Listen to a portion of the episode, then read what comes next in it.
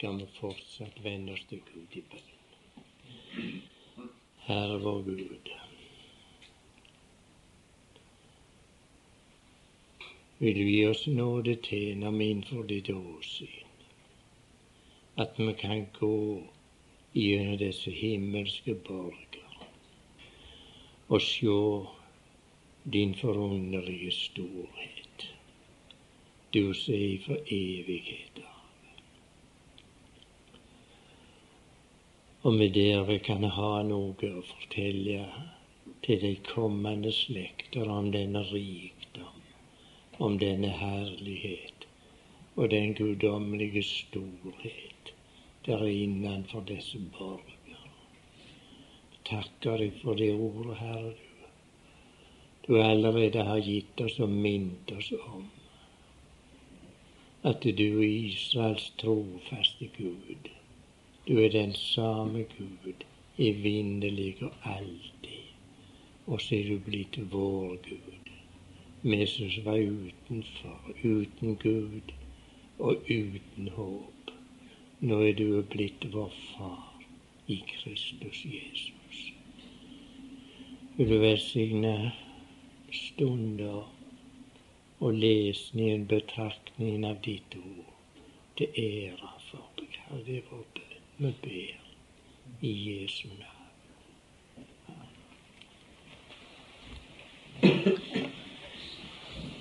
Ja, i det vi har blitt minnet om, er det godt for oss å, å gjenta dette her. Vi veit hvordan det er hvis vi går utenfor et hus. Det er noe helt annet. Vi får et, ja, vi får et inntrykk av bygget når vi går rundt omkring. Vi går rundt om i et slott. Men det er noe helt annet å gå inn. Gå inn i Guds helligdom når vi får komme inn og, og sjå den sanne og virkelige innredningen og det innholdet er. Jeg tenkte akkurat på det med det der Det er nå mange år siden jeg hørte det. Det var ei eldre kone, hun skulle reise til Amerika. Hun hadde en sønn i Amerika, og det var en han var mors eneste sønn. Var, det var en kjekk gutt, en flink gutt. Han skrev hjem til mor si og hvor godt han hadde gjort i Amerika. Og så skrev han nå, nå mor, så vil jeg du skal komme, skal du sjå hvor godt jeg har det. For jeg kan ikke beskrive, sa han, men du skal komme, skal du sjå hvor godt jeg har det. Dette her var ikke noe glede for mor, for hun hadde lest om disse her forlis. Det var i den gamle tida når de reiste med seilskuter. og Mange kom ikke fram. Og dette her tenkte hun på. Jeg skal aldri ut på det der. Så reiser Det får heller være med det han skriver. Men så Gutten han var ikke fornøyd med dette. Hun må, hun må få se det, sa han, hvor godt det var. En dag så kom det brev i posten, og så lå det en billett inni, inni brevet. Da fikk hun alvorlige sorg, mor. Tenk, han har sendt billett, og så skal jeg gå ut på denne farlige reisen. Ja, hun gikk der og sørgde og sørgde, men hun ville ikke skrive at henne sa hun ikke ville komme. Og når reisedagen kom, så pakket vi sammen med sorg skulle på denne lange og farefulle reisen. Hun kom om bord, var det sagt, og hun fikk lugar i lag med tre andre. Og de så på henne. Tenk, tenkte, tenkte hva slags sorg er det hun bærer på? Og under reisa så ble det nå snakket om den sorga. Utafor dette her at de aldri kom fram og ikke vil jo ete. Ikke. Du vet hvordan det er når folk har sorg. Så er alt galt. Og de syntes synd i, i mor som kunne gå der med sorg når hun skulle reise og besøke sønnen sin. Dette kom skipperen for øra, fortelles det. Så en dag så kom han inn på logaren, og så snakket han med henne og sa nå skal du følge meg rundt i båten, så skal vi se oss om du er litt. Gjøre oss kjente med båten. Og så ble det det. De gikk ned og ned. Den ene leideren etter den andre. Dette bar like til bunns i båten. Så fant han fram en stol til gamle mor. Og så sa han 'Sett deg nå her', sa han. Og så skal du sjå det så ut dette vrimmel av spant. Det var den tida båtene var nagla sammen med overlapping og flere naglerader. Så sa han må du sette deg her. Jeg skal gå ham, så må du se om det ler seg, dette her. Om det, om det begynner å, å, å knirke i det. Se godt på det, og, og om det heller sammen. Jo, han gikk og og han sittet der en stund, så kom han så forunderlige frevene. Så på alt dette her. Ingenting rokkast. Så sier det en forvissning, en tro, i hennes hjerte. Så begynte hun å gå opp. Gikk opp på første leiren, og så der traff hun kapteinen. Og han fikk jo spørre han om noen ting. Det første hun sa når hun traff han, denne båten sykker aldri. Han sykker aldri, denne båten. Han er jo så sterk som fjell. Hva var det? Jo, det var ved et syn innvendig. Må det være en lærdom for oss å gå inn her som her var talt om. Gå innenfor oss sjøl. For skal vi ha trygghet og ro og fred, så må vi inn her og sjå. Og hvis vi ikke er inne der og ser, så har vi ingenting å fortelle. Men det er de som er inne der og ser. Har sagt i Guds ord til trøst hverandre med den trøst hvor meg selv er trøstet. For det er den som gjelder. Vi kjenner hvordan det er hvis vi ja, en død eller noen ting sånn. Syter med å gå, for vi har ikke trøst i den forstand. Men hvis det kommer en annen opplifter det der Ja, mist en ektefelle eller et barn eller hva det måtte være. Den trøsten er mye bedre for vedkommende enn de som ikke har opplevd det. Må Gud gi oss nåde til å hente trøst men så må vi òg gå inn i, i disse borger. Vi får ingenting vite med luktebok. Ingenting. Vi kan sakte høre om det. Annenmannstale, den, den er god, ikke til å forakte den. Men selvsyn må til. Sjølopplevelse i Guds ord skal vi fortsatt holde oss i Salmenes bok og lese noen, noen eh, spredte vers eller punkter i Salmenes bok. Det var en en gang som sa det på den måten Salmenes bok, sånn, det er hjertet i Bibelen. Jeg begynner å tenke på det. Det er mye i det. For i Salmenes bok er det vel alle finner en snare og, og god trøst når det går til Salmenes bok. For i Salmenes bok synes vi at Guds eh, pulsslag ligger like i overflaten. For der finner man noe for sin sjel. Trøst og oppmuntring. Og det sies at det midten i Salmenes bok og midten i Bibelen, det er den 116. og 117. salmer. Det er midtpunktet i Guds ord. Og der finner vi særlige trøst. Der står det Sett eders lit til Herren. Nå kan vi jo se tilbake på, på det, men vi skal lese noe annet i begynnelsen. Det skal være midtpunktet, sies det i, i Guds ord. Det er Salme 116 og 17. Her ser vi når vi leser i disse salmene her omkring midten, så er det Guds miskunnhet. Pris til Guds miskunnhet det går ut på. For Hans miskunnhet er mektig over oss, og Herrens trofasthet varer til evig tid. Det er ikke godt å høre gjete noe som varer.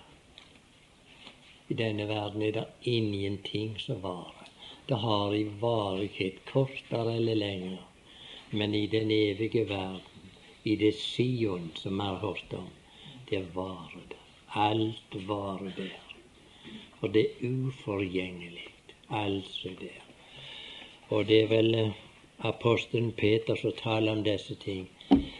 En uforgjengelig og en usmitta og så er det da en uvisnelig arv som er gjemt for eder i himmelen. Og kommer ennå på jeg kommer gjerne litt bort ifra det jeg hadde tenkt, men jeg hørte Adam talt om dette en gang. Så forteller han i historien fra sitt himmelland. Det var en liten gutt i en familie. Jeg hadde bare den gutten. Og så hadde de gitt han en sånn en, Hva det heter det? Undulat, er det vel. En liten fugl. Og denne var så glad i. Han matet han i tid og utid. Og så gikk det sånn at undulaten daua. Han fikk for mye. Og så ble det i sorg hos gutten. Så skulle de trøste han, og så kjøpte de en fin liten hundunge til han. Ja, og gutten var så glad i denne hundungen. Han, han, han mata sånn at på slutten så daua hundungen òg. Og så kom de for gutten. Far, sa han.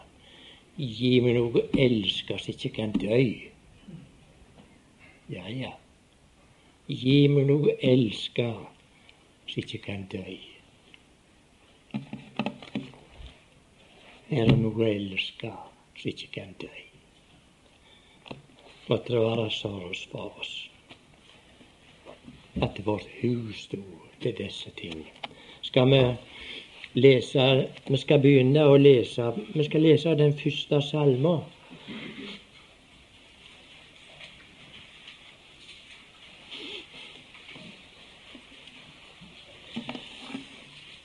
Salig er den mann som ikke vandrer i ugudeliges råd, og ikke står på synderes vei og ikke sitter i spotteres sete. Kan du tenke deg hvor denne mannen befinner seg? Er han i denne verden, denne mannen? Får du til å passe med noen av oss? Aldeles ikke. Så leser vi videre. Han sitter ikke i spotteres sete, men så kommer så kommer det hva han har lyst til. Men har sin lyst i Herrens lov og grunner på Hans lov dag og natt. Hvor tror du den mann finnes? Så har sin lyst i Herrens lov. Jo, du kommer sikkert på du har lest noe i Hebreabrevet om en som sa Nå er kommet Gud for å gjøre din vilje hans lyst og hans vilje, det var til å mette Faderen. For Guds vilje hadde aldri blitt tilfredsstilt av noen i verden. Men så Sønnen sa, jeg er kommet for å gjøre Gud din vilje. Og det er Han som taler her i første salme. Nå går det sakte an å anvende det i forkynnelsen. At uh, man, man burde leve som de som vandrer på den måten. Men vi vet det at når vi leser i hvilken som helst annen bok, så finner vi et forord. ikke sant? Det står en lite stykke i begynnelsen. som er skrevet om forfatteren. Er opplysninger om han og, og ja, ja, noen, noen uh, nedtegna data der.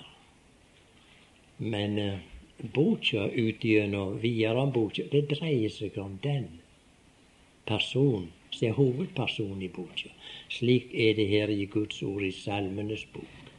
Det dreier seg nettopp om den personen vi har lest om her. Og vi, vi skal lese videre. Ja, for sammenhengens skyld skal vi lese det opp igjen i forbegynnelsen. Salig er den mann som ikke vandrer i ugudeliges råd, og ikke står på synderes vei, og ikke sitter i spotteres sete, men har sin lyst i Herrens lov og grunner på Hans lov dag og natt, så kommer det noe som sies om mannen. Han skal være lik et tre plantet ved rinnende bekker, som gir sin frukt i sin tid, og hvis blad ikke visner, og alt hva han gjør, skal han ha lykke til. Ikke så de ugudelige. Her kommer forskjellen. Ikke så de ugudelige, men de er lik avner som spredes på vinden. Derfor skal ugudelige ikke bli stående i dommen, og syndere ikke i de rettferdiges menighet. For Herren kjenner de rettferdiges vei, men de ugudeliges vei går til grunne. Her ser vi dere er gjort en utredelse om de rettferdige og de ugudelige. Og vi finner ut at det, det kan ikke brukes dette om folk i denne verden, disse uttrykkene vi har lest. Det sies, det er meg fortalt, at det, i den hebraiske bibel står det, det står, det står ikke i Hisjå, står det i nutidsform. Salige den mann som ikke vandrer. Men i den hebraiske bibel skal det stå etter manns utsagn, og han leser iallfall flere språk, det vet jeg. Men der står det 'Salige er den mann som ikke har stått på i, Salig er den mann som ikke har vandret i gudeliges råd, og som ikke har stått på synderes vei, og ikke har sittet i spotteres sete. Altså, han har ikke vært borti det der, denne mannen. Uh, utenom alt. Han er enestående.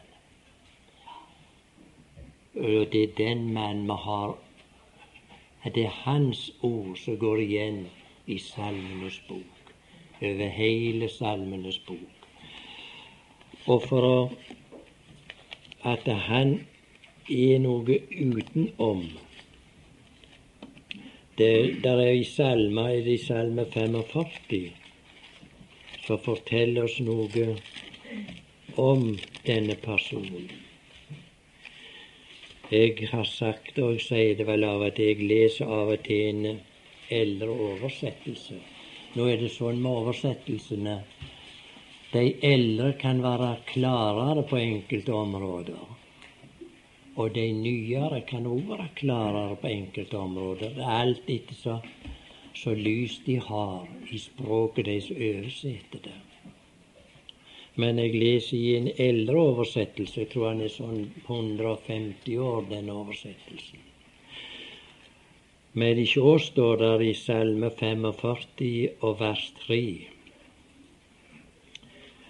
Du er den fagreste blant menneskenes barn.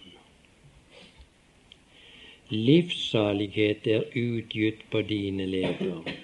Derfor har Gud velsignet deg evinnelig. Du er den fagreste blant menneskenes barn. Og det vil vel si oss at det, der er noen som er mest like fine, ikke sant? Det er Den fagreste, hvis det nå var en sånn utvelgelse her Og det skulle bli én og to og tre. Så, så var det en som ville gå av med prisen. Men så var det en som var mest like fine. Ja, ja. Men det er ikke sånn, ikke Gud. Vet du hva det står i en eldre oversettelse? Du er meget deiligere enn menneskens barn. Ja, Han har ikke noen ingen lignende. Du er meget deiligere enn menneskenes barn. Du hører ikke til i den gruppen.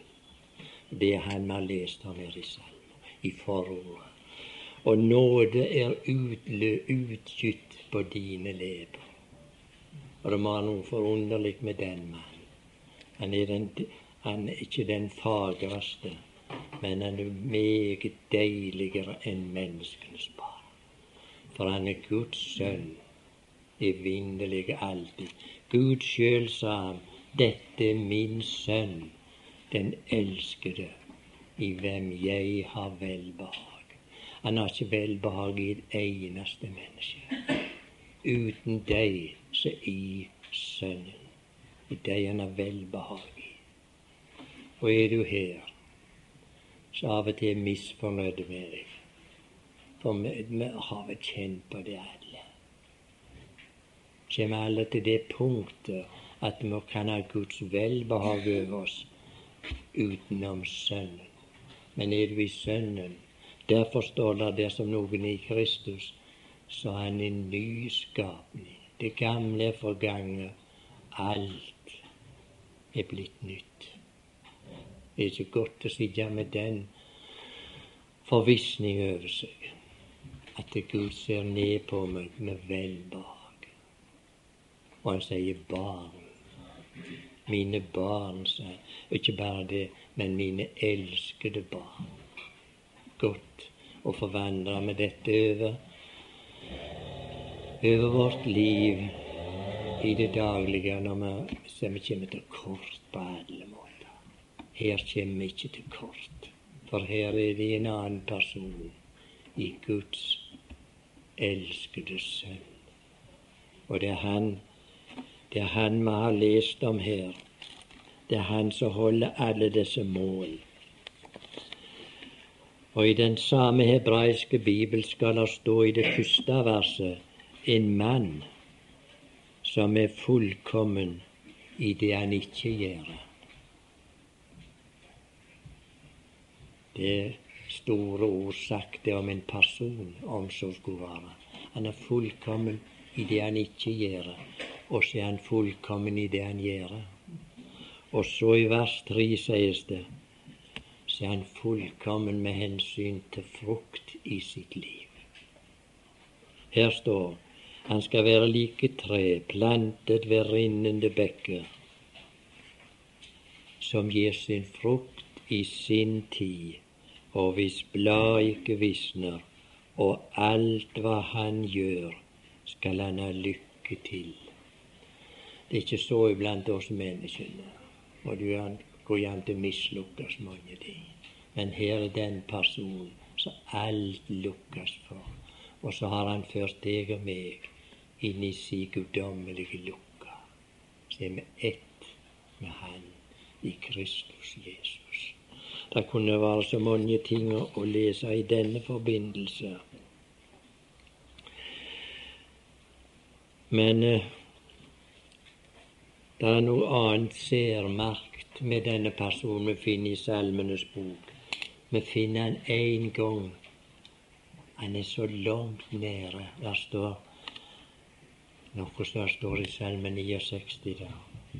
Jeg er kommet i dype vann, og strømmen slår over meg. Så har han vært der òg, helt på bånn. La oss slå opp i Salme 69 og lese det i fred og ro innabords.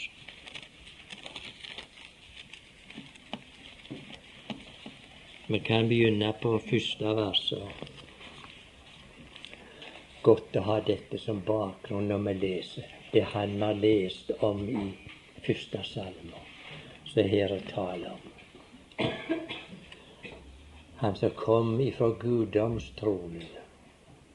Der finner man på vei nedover, ned og ned, ned til det ytterste, til det mørke dyp. Frels meg, Gud, for vannene er kommet inn til sjelen. Jeg er sunket ned i bunnløs dynn, hvor der intet fotfeste er. Jeg kan aldri forstå det, men kan vi tenke oss i en sånn situasjon du og jeg? Vi var kommet ut på Evja, og der vet vi ingen Det er ikke bunn der. Det er det samme som døden for et menneske å komme der. For da er det bare sykke og sykke og sykke. Håpløst. Jeg er synket ned. I den eldre oversettelse får jeg referere igjen. Der står jeg er synket ned i dypt og skittent dynn.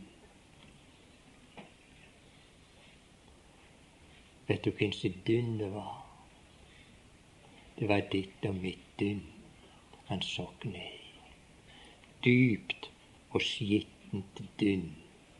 Det var derifra han ropte Min Gud, min Gud, hvorfor? Hvorfor har du forlatt meg? Der står alle de andre forlot ham, men Gud, hvorfor kunne du forlate og hvorfor forlot du meg? Jeg var jo uskyldig. Jeg måtte spille din og min rolle. Og så kunne han ikke lukke opp sin munn. En sokk og sokk. Hvordan det står i sangen der, så sank du i vår jammer med så dypt som ingen vet. Det er Han som var på guddomstronen, dette her. Skulle det være rom for lovprisning og takksigelse når vi samler en søndagsformiddag? Når vi betrakter Guds sønn. Skal vi lese videre? Jeg er sunket ned i bunnløs dynn, hvor der intet fotfeste er. Jeg er kommet i dype vann, og strømmen slår over meg. Jeg er opp meg trett, min strupe brenner, mine øyne er bortært idet jeg venter på min Gud. Flere enn hårene på mitt hode er de som hater meg uten årsak. Tallrike de som vil forderve meg, mine fiender uten grunn. Det jeg ikke har røvet, skal jeg nu gi tilbake. Gud, du kjenner min dårskap, og all min syndeskyld er ikke skjult for deg. Er det ikke forunderlig?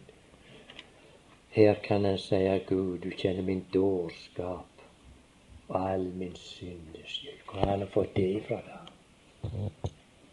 Har du tenkt over det var din og min dårskap. Og det var din og min syndes skyld. Men han gjorde seg til ett med dette. Når han sokk ned i dette dynnet, hans var reine. Gud for evighet av. ham. Og så lot han seg sykke ned her. For han måtte til bunns her for å frelse deg og meg. Det var ikke vei utenom. Og så er det vi synger da. Jesus måtte til Golg. Og han gikk dertil som den lydige sønn gikk, og bar fram offeret og tilfredsstilte Gud. Skal vi lese videre her? La dem ikke bli til skamme ved meg, det vers Gud, de som bier etter deg, Herre, Herre herskarenes Gud. La dem ikke bli til spott ved meg, de som søker deg, Israels Gud. For din skyld bærer jeg vanære, dekker skam mitt åsyn.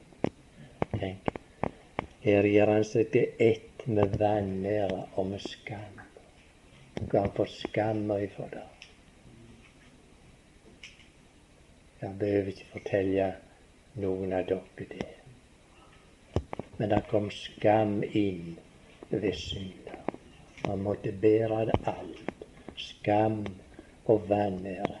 Og du har sikkert betraktet den der han henger på, på korset. Profeten sier han var så ille tilrett, så han var ikke til å se på. Han var ikke lik et menneske. Hans ansikt var dekket av spott. Kan du tenke deg hvor mer foraktelig? Det er, min, det er din og min frelser, dette her. Det er sagt om. Hans ansikt var dekket av spytt. Og så var han hånt. Og så var han slått. Ikke et ord. Han sa jeg kunne bitt min far, så han sendte sendte så mange engler. Nei, han kunne ikke det. Han måtte ta det. Og vi ser etter de tre timene på korset, når Gud hadde slått ham, det var da han ikke så ut som et menneske. Han var ikke til å se på, sier Guds ord. Og det var for din og min skyld for han tok mi og di synd og skam og vanære.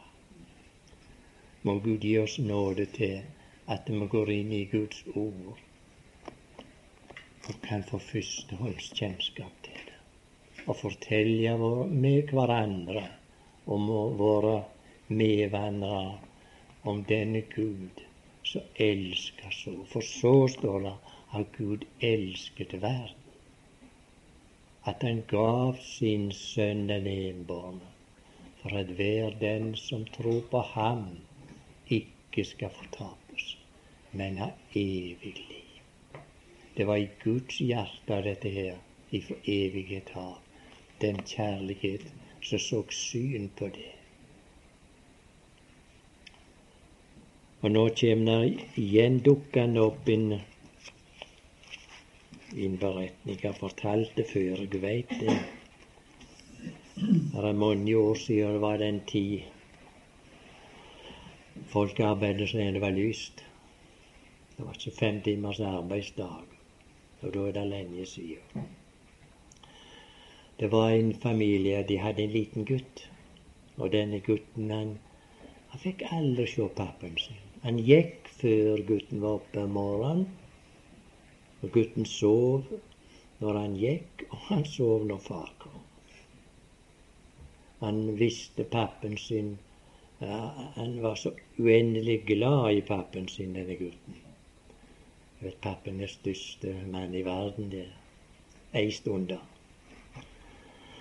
Så sa mor ja, om, om søndag så skal du få se han pappa. Da, da, da er han hjemme, og da skal du få se han. Og søndagen kom, så følger mor gutten inn til far.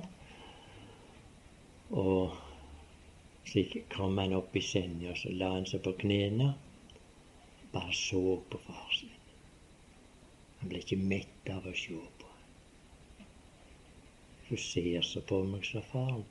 Jeg er så glad i deg, pappa. Så, så kunne han liksom prøve å erte han litt. Ja, men jeg kan ikke se det, jeg, at du er glad i meg, sa han. Folk kan ikke, jeg kan ikke se inni deg, jeg. Så han liksom bedrøva gutten. Jeg gikk i så mørkt trekk over ansiktet på han. Tenker pappa forstår ikke at jeg er glad i ham. Og i sin, kan vi si, nød, så, så Så glad jeg er i pappa. Har du lest om han som var så glad i deg? Han som gjorde så. For så har Gud elsket verden. At han lot seg spikre til et kors på grunn av kjærlighet. Det er Guds ord til oss. Må det være sånn. Og det er ofte sånn i våre hjerter. Vi kan ikke fortelle en annen om dette her, for det er ting i våre liv som barn av Gud. Det er bare oss og Gud. Vi kan ikke meddele det til andre. Det er ting vi kan, men det er ting som blir imellom Gud og sjel, som må bli ufortalt for det inderlige kjærlighet. Du har et inntrykk av det som snakker om det, så er det forspilt. Du vil ikke ane det. Du er innenfor Guds åsyn og nyte Hans kjærlighet. Ja, la oss lese videre her på Salme 69. Ifra vers 9 er det vel nå. Og underlig er det i Salmenes bok. Der får vi innsyn i hans tanker og følelsesliv på en særlig måte. For i salmene liksom det ligger oppå toppen i salmene. Det er så lett tilgjengelig. Guds kjærlighet og Guds visdom og Guds godhet. Du skal ikke lese så mange ord, for du har kontakt med Gud i Salmenes bok. I vers 7 leser vi Jeg er blitt fremmed for mine brødre og en utlending for min mors barn. Han var sagt av fremmed og utlending i Israel. Det var hans mors barn, men for dem betydde han ikke noe. De sa bort med, for han vekk. At jeg er blitt en utlending, fremmed, for min mors barn. For nikjærhet for ditt hus har fortært meg, og deres hån som håner deg, er falt på meg. Det er han som måtte ta imot hån og spotten. Og min sjel gråt mens jeg fastet, og det ble meg til spott. Og jeg gjorde sekk til mitt kledebånd og jeg ble dem til et ordspråk. De som sitter i porten, snakker om meg, og de som drikker sterk drikk, synger om meg. Men jeg kommer med min bønn til deg, Herre, i nådens tid, Gud. For din megen miskunnhet, svar meg med din frelsende trofasthet.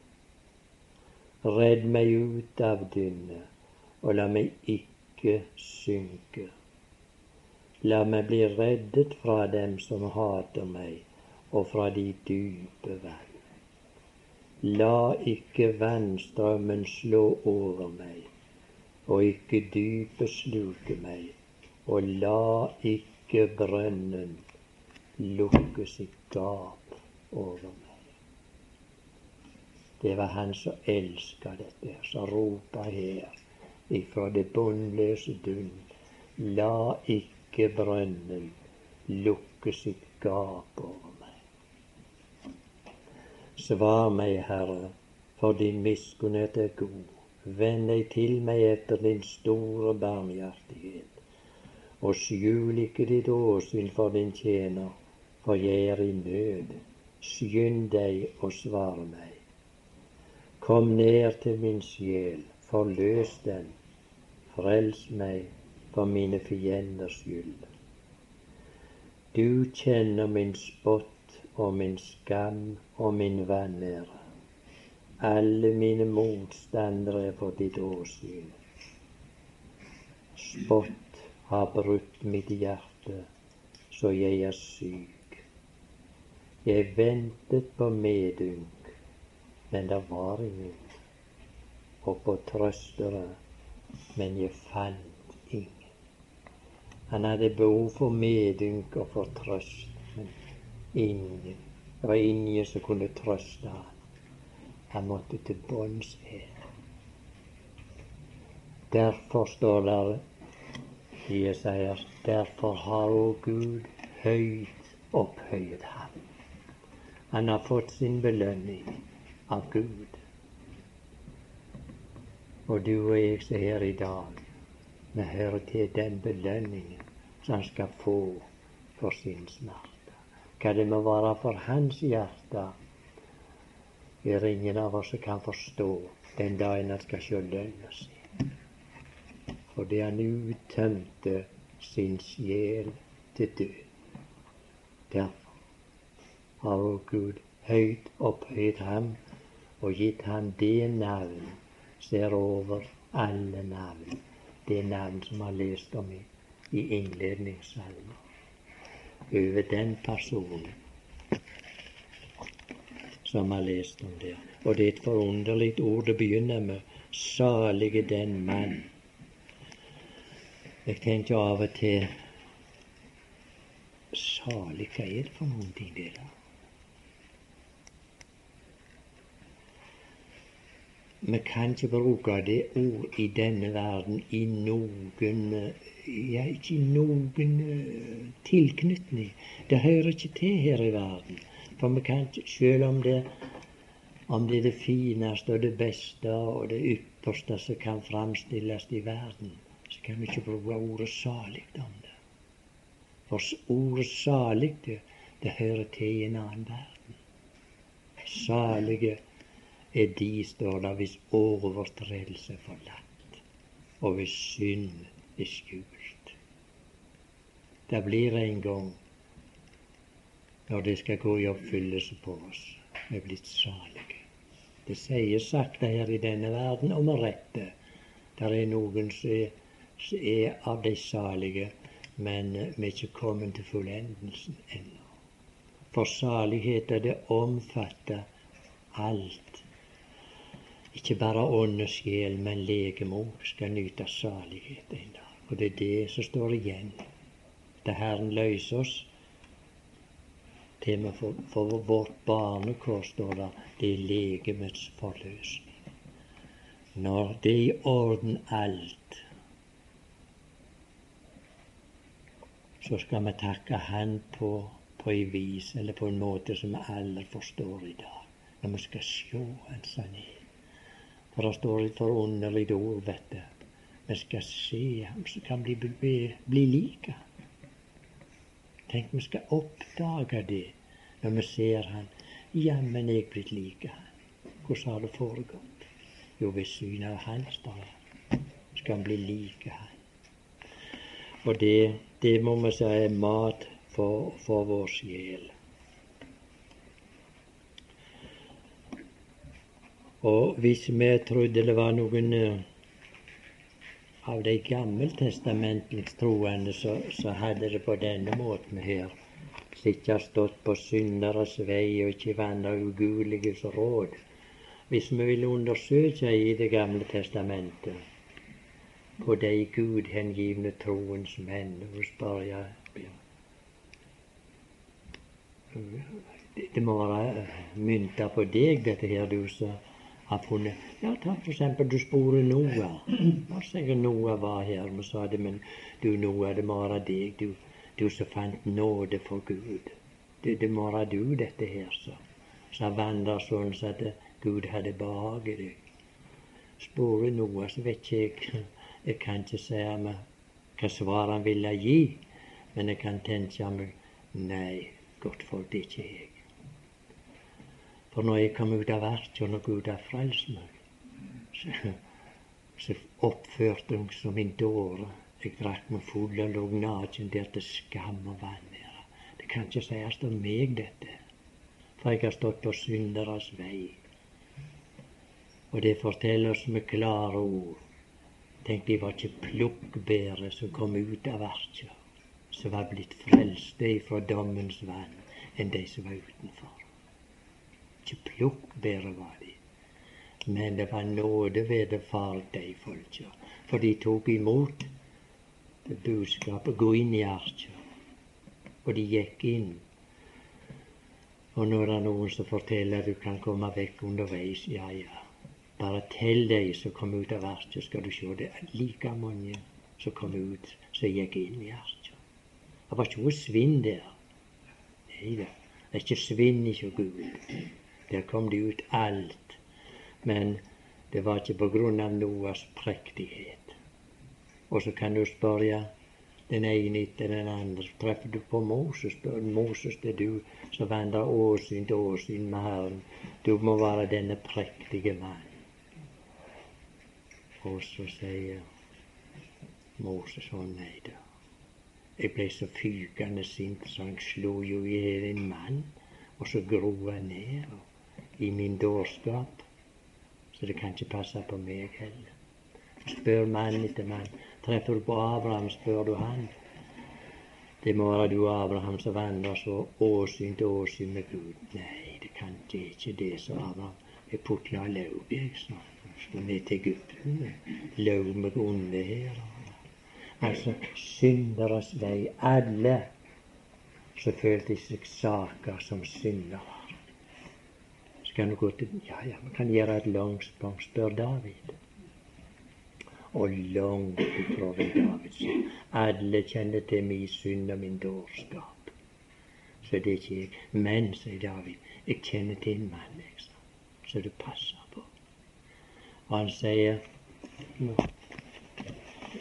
La oss lese det òg, da. Er det i annen Samuels bok? Vi synes David er så Han svarer så fort og kontant på det spørsmålet.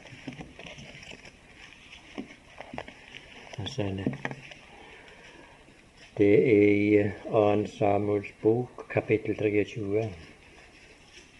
Der skal komme en mann han er ulik alle andre. Vi kunne lese Ja, vi kan lese fra begynnelsen i 2. Samuel 23.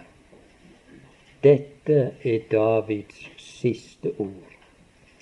Så sier David, Isais sønn, så sier mannen som var satt høyt, Guds, Jakobs Guds salvede, og Israels livlige sanger. Denne mannen sitter på et høyt nivå, han, når vi skal snakke om. Han var høyt satt, står det. Han var Jakobs Guds salvede og Israels livlige sanger. Så sier han, Herrens ånd taler gjennom meg. Det, det, det er ikke en løs tale av David, dette her. Men det er Herrens ånd som taler gjennom meg. Og da må vi spisse ørene. Og da taler ikke folk i villens sky. Da klapper man seg oppfører seg som, som villmenn. For Den hellige ånd er ikke så. Der står at Gud er en ordens Gud. Og Den hellige ånd er ikke noe utenom. Da må vi lytte til hva er det du har å fortelle deg, David. Herrens ånd er over meg, sa han, og hans ord er på min tunge. Så kommer det. Israels Gud har talt. Til meg har Israels klippe sagt. Der skal være en hersker over menneskene, en rettferdig, en hersker i Guds frykt. Når var den mann i denne verden en hersker i Guds frykt? Han har aldri vært i denne verden. Men her, her kommer herskeren. Når han skal ta staven i si hånd det skal være en hersker over menneskene. En rettferdig en hersker i Guds frykt. Han skal være lik morgenens lys når solen går opp. En morgen uten skyer, når ved solskinn og ved regn gresset spirer frem av jorden. Kan vi tenke oss noen sånn fine morgen? Og det skal komme over menneskene en hersker i rettferdighet. Og det er slutt med sorg, undertrykkelse, tårer. I våre dager er det ikke rettferdighet som hersker, det er ugudelighet. Menneskene går til grunne rundt i hele verden, og de sukker, de svelter i hjel. Men tenk for en forandring. Der kommer en dag, en lys morgen som menneskene får se fram til. En hersker i Guds frykt. Han skal komme han skal være med legedom under sine vinger. Og du kan vi ha å se fram til mer som hører Herren til. Ja, det var så mye som vi kunne lese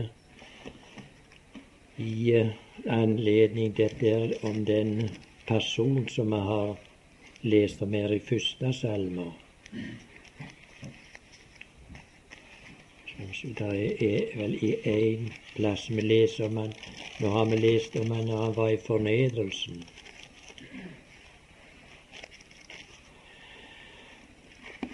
Skal vi se Jonas' bok, der finner vi noe som Jonas sa i sin bønn når han var på dypet.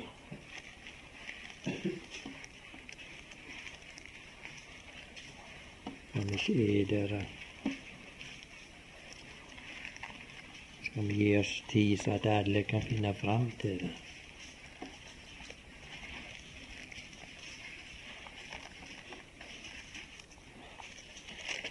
Det er så godt når man får lese av det i sammen og i sammenheng.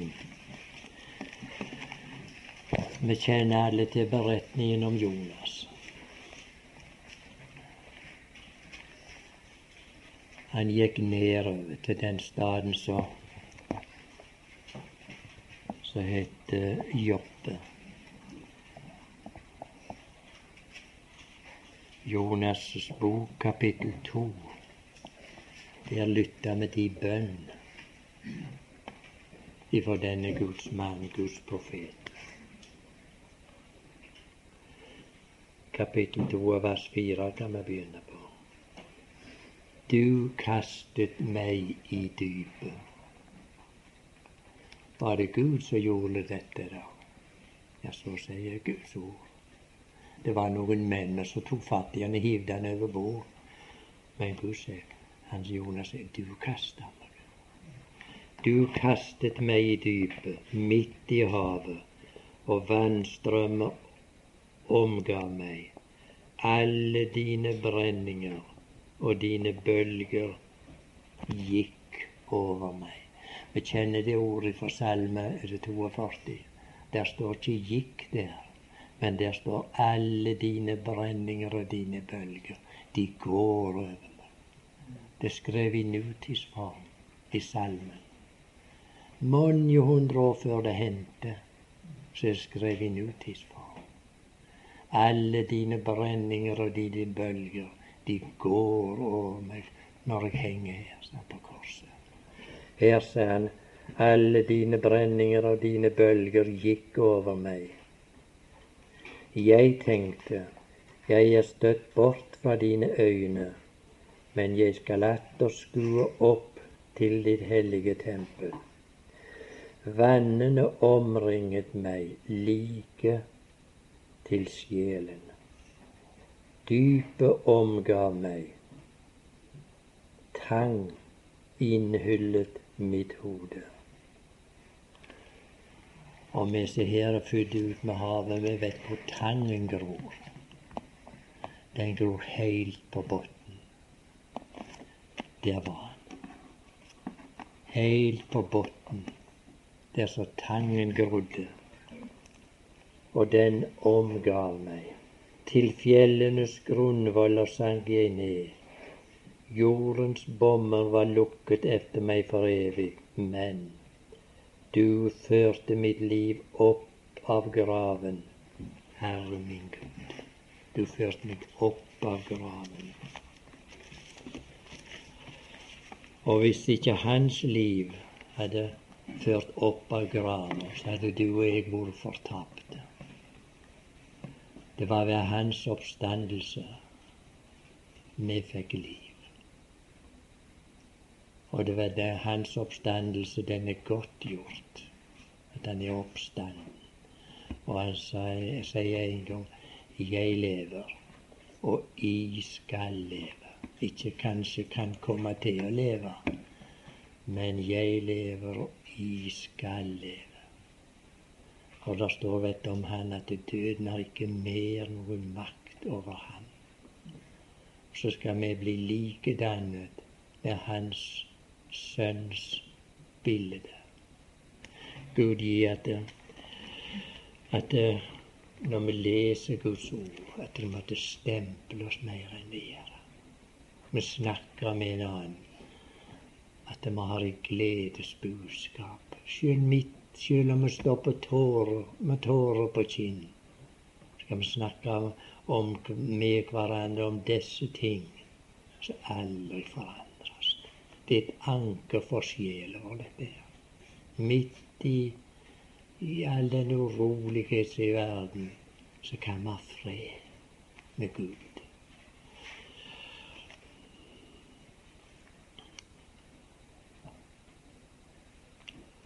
Ja, det var så mange plasser vi kunne lese i Salmenes bok og, og finne, finne Han når han er på guddomstolen, og når han er i de dype dynn som, som vi har lest om. Skal vi se Skal vi finner fram til salmer så der er refererte der.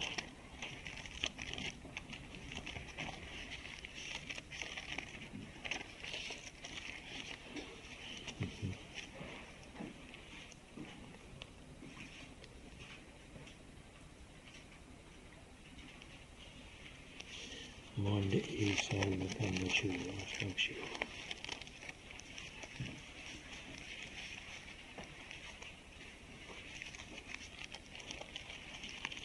Det er ikke alltid like lett å komme på det, men det, det har sikkert Nei, jeg tror ikke Skal vi se det om det er den. Nei, salme 24. Det var godt du var så nær, Johannes, så fant jeg henne fram. Salme 24. Og der kommer i slutten på Salme 24, der står Det må være en stor person her som er ventende. En guddommelig personlighet som trer inn. Løft i porter eders hoder, og løft eder i evige dører, så herlighetens konge kan dra inn. Så kommer spørsmålet. Hvem er denne hvem er den herlighetens konge? Herren, sterk og veldig. Herren, veldig i strid. Så gjentar han det. Løft i porter, eders hoder, og løft i evige eder i evige dører, så herlighetens konge kan dra inn. Hvem er den herlighetens konge? Herren, herskarenes Gud. Han er herlighetskonge, Sela. Det er den samme mann som var på det dype dyp. Der åpna himmelens porter seg for ham. Og denne herlighetens konge drar inn. En dag så skal han komme med bruden sin, denne herlighetens konge. Og så vet jeg der står det i Tessalonikerbrevet han skal vise seg underfull i alle sine hellige. Underfull. Da skal han lovprises for sitt verk, det han har, det han har vunnet seg ved at han gikk så djupt ned som dette. Og vi vet, alle kjenner til den 23. salmen. Her taler han som den fornøyde, tilfredsstilte hyrden. Er det, David som talte om en hyrde. Og hvis det var noen som forsto seg på hyrdeliv, så må det være David. For han som liten gutt begynte som hyrde, og han visste ansvaret med å være en hyrde, og han forsto fåret sine behov. Vi kan lese gjennom den salmen like godt det så som bruker våre egne ord, heller bedre vi leser. Det er noen som formulerer det slik når de leser en 23. salme. Det er beretningen om et lukkelig liv og en lukkelig død og en lukkelig evighet. Hva kan vi mer ønske oss da? Et lukkelig liv og en lukkelig død og en lukkelig evighet. Herren er min hyrde, meg fattes intet. Det var nok det der i grunn til å overbevise oss om lukka i dette å være hyrde. Og Herren er min hyrde. Ikke bare han er en hyrde, men han er min personlige hyrde. Det er det som det, det var ikke godt for oss om vi visste han var en hyrde, hvis han ikke var min hyrde. Herren er min hyrde, meg fattes intet. Så beskriver han eh, tilstand. Han lar meg ligge i grønne enger. Han leder meg til hvilens vann. Han vederkveger min sjel. Han fører meg på rettferdighetsstier for sitt navns skyld. Om jeg enn skulle vandre i dødsskyggens dal, frykter jeg ikke for ondt, for du er med meg. Din kjepp og din stav, de trøster meg. Du dekker bord for meg like for mine fienders øyne. Du salver mitt hode med olje. Mitt beger flyter over. Bare godt og miskunnhet skal etterjage meg alle mitt livs dager. Og jeg skal bo i Herrens hus gjennom lange tider. Her i denne oversettelsen er det formulert med tider, lange tider. Men i en eldre oversettelse der står det 'Jeg skal bo i Herrens hus evinnelig'. Det er ikke tidsbestemt, men det, det er evighetsbestemt. Jeg skal bo i Herrens hus evinnelig. Evinnelig og alltid. Og jeg må si jeg liker så godt det siste verset der. Bare godt og miskunnhet skal etterjage meg alle mitt livs dager. Jeg hørte det for et års tid siden vel. De leser fra en nyere oversettelse. Det var da jeg merket meg det. Og der står visselig, hvis jeg har feil godt og miskunnhet skal følge meg på vei, les vedkommende. Og det er jo stort av det å være i lag med godt og miskunnhet. Men her er noe som er enda bedre. Bare godt og miskunnhet skal etterjage meg alle mitt livs dager. Altså her er det to som absolutt skal ha tak i meg. Den ene heter godt, og den andre heter miskunnhet. Og så er de på jakt hele mitt liv og skal ha tak i meg. Jeg syns det var så uendelig godt når jeg så det at eh, det ordet i den oversettelsen, der sto 'etterjager'. Da må det bety noe for, det, for for det er jo jegere, det, ikke sant? Er på jakt, og som etterjager. De skal absolutt ha tak i det. Og disse to guddommelige jegere, den ene heter godt, og den andre heter miskunnhet. Og så skal de etterjage meg alle mitt livs dag. Og da er det ikke forundre seg over at salmisten sier meg fattes intet. skal aldri komme til å fattes noe. Men nå vet vi hvor vi er henne. Vi lever i denne verden, og vi lever under Vi er i syndens verden ennå. Vi fattes mange ting. Men Herren holder oss oppe dag for dag. Og det er godt å trøste seg til disse her som etterjager oss. Guds godhet og Guds miskunnhet. Og så skal det enda i Herrens hus evinnelig. Der kunne vi sagt det godt slutta. Vi har ikke noe bedre å snakke om. Men skal vi slå opp det siste, uh, siste kapittelet i Salmenes bok Nå har vi jo lest det fra begynnelsen, så kan vi lese avslutningen av Salmenes bok.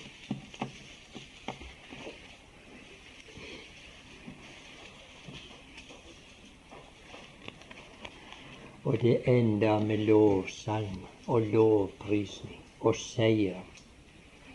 Her er vi kommet til, til veis ende når seieren er vunnet. Og når du blir oppfordra til pris av Han som har vunnet seieren, skal vi lese salme Ja, la meg lese salme 148.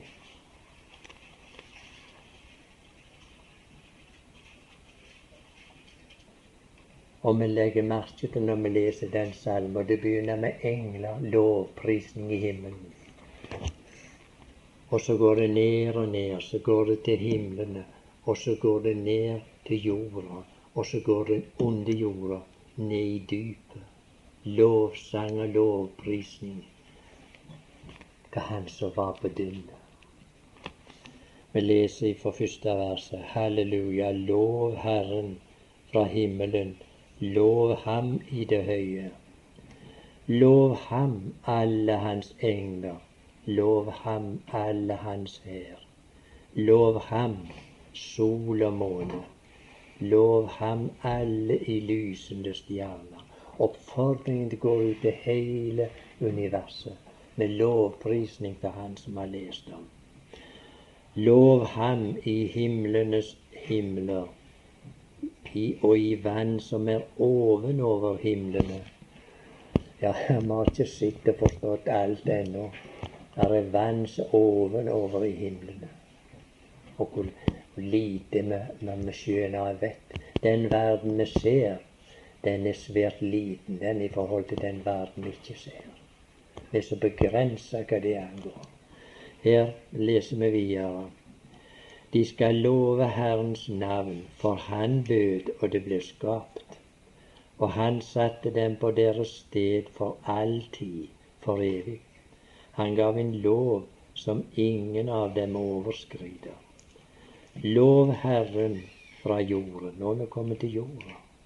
I store sjødyr og alle vanndyp. Ild og hagl. Sne og damp. Stormvind som setter Hans ord i verk. I fjell og alle hauger, frukttrær og alle steder. I ville dyr og alt fe, krypdyr og vingede fugler. I jordens konger og alle folk, fyrster og alle jordens dommere, unge menn og jomfruer, gamle sammen med unge. De skal love Herrens navn, for Hans navn alene er opphøyet. Hans herlighet er over jorden og himmelen. Og han har opphøyet et horn for sitt folk til en lovsang for alle sine fromme, for Israels barn, det folk som er ham nær. Halleluja. Den siste salmen. Halleluja. Lov Gud i Hans helligdom. Lov Ham i Hans mektige hvelving. Lov Ham for Hans veldige gjerninger. Lov Ham etter Hans storhetsfylde. Lov Ham med basunklang. Lov Ham med harp og sitar. Lov Ham med pauke og dans. Lov ham med strengeleg og fløyte. Lov ham med tonende bekkener.